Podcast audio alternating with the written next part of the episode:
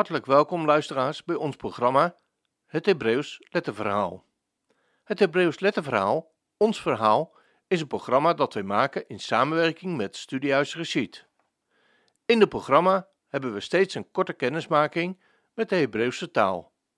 Het gaat niet om de taal op zich, niet om gegoochel met letters en getallen, maar om de taal, met letterbetekenis en getalswaarde, als toegangstaal tot de Hebreeuwse Bijbel, de schriftgeworden stem van Israëls God. Vandaag aflevering 17. We gaan het vandaag hebben over de negende letter, de letter Tet. Crisis, beproeving.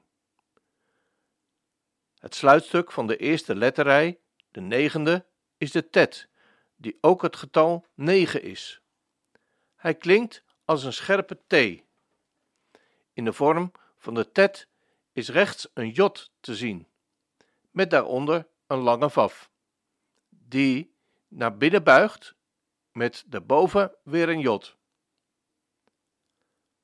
Voor deze beweging naar binnen ontstaat er een typische ingesloten ruimte.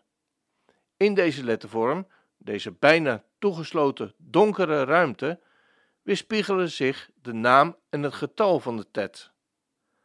Want tet is een oud woord voor baarmoeder of donkere aardeschoot. Ook het getal 9 hangt samen met baren en met duisternis. Vrees vruchtbaar is het negende scheppingswoord. Negen maanden is het kind in de donkere baarmoeder. De negende plaag in Israël was dikke duisternis. En omstreeks het negende uur op Golgotha was het de diepste donker van de godverlatenheid. De negende levensfase is voor de jongvolwassenen een crisistijd. Het duister van de beproeving. Nadat het kind, Alef, het huis, het geboortehuis, de bed achter zich heeft gelaten, Gimel, trouw aan de traditie, Dalet, na ontdekking van het eigen ik tegenover het gij, de he, en de bewustwording van zijn eigen creativiteit, de vaf, na zich gebogen te hebben onder het gezag van de Torah, de Shahin, en de verinnerlijking ervan ervaren hebben, de get, komt er een test, een kritieke situatie. Het is een soort Egyptische duister, een tijd van loutering, waarin het pas volgroeide kind op de proef gesteld wordt. Is mijn relatie met de ene wel helemaal zuiver en echt?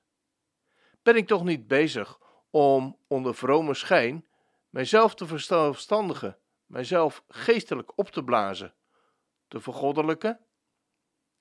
Heeft mijn bewuste, persoonlijke keuze voor God en zijn programma geen bijbedoeling? Is het wel puur een antwoord op Gods keuze en op zijn uitverkiezing?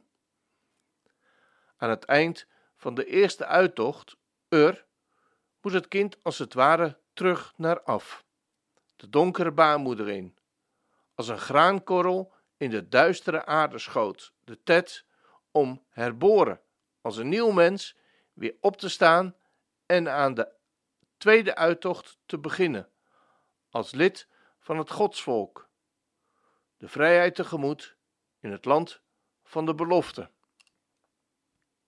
Met de J, de tiende letter, begint een nieuwe lettergroep. Het tweede negengetal en daarmee ook weer een nieuw hoofdstuk in het letterverhaal.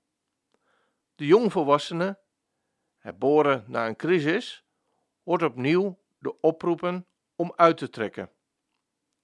Nu niet uit het geboortehuis, Ur, maar uit het diensthuis, Egypte. Het is niet zozeer een persoonlijke oproep, maar een gemeenschappelijke. Om als samenleving niet langer genoeg te nemen met hoe het is en hoe het gaat. Met het slovende slavenleven in Egypte, met de maatschappelijke onvrijheid en de uitbuiting dichtbij en veraf. Het is de oproep om samen op weg te gaan naar het land van de vrijheid, waar ieder mag zitten onder zijn eigen wijnstok en vijgenboom. En van waar men samen op gezette tijden mag optrekken naar Sion, om Israëls God te danken voor zijn bevrijdend handelen bij de uittocht en de doortocht. Te bedanken ook voor het goede, vruchtbare land dat hij hen gaf. In deze les staan de letters Jod, Kaf en Lamet in het kader van onze gemeenschappelijke uittocht. Tot zover deze aflevering nummer 17.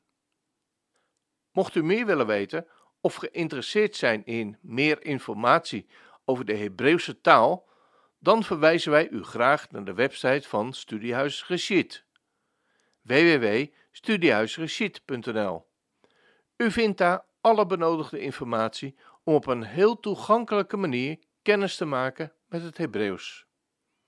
Nieuwe afleveringen van dit programma vinden plaats op maandag, woensdag en vrijdagmiddag om 3 uur.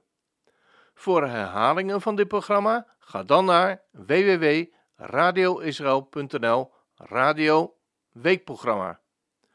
Terugluisteren kan ook. Ga dan naar radioisrael.nl Uitzending gemist.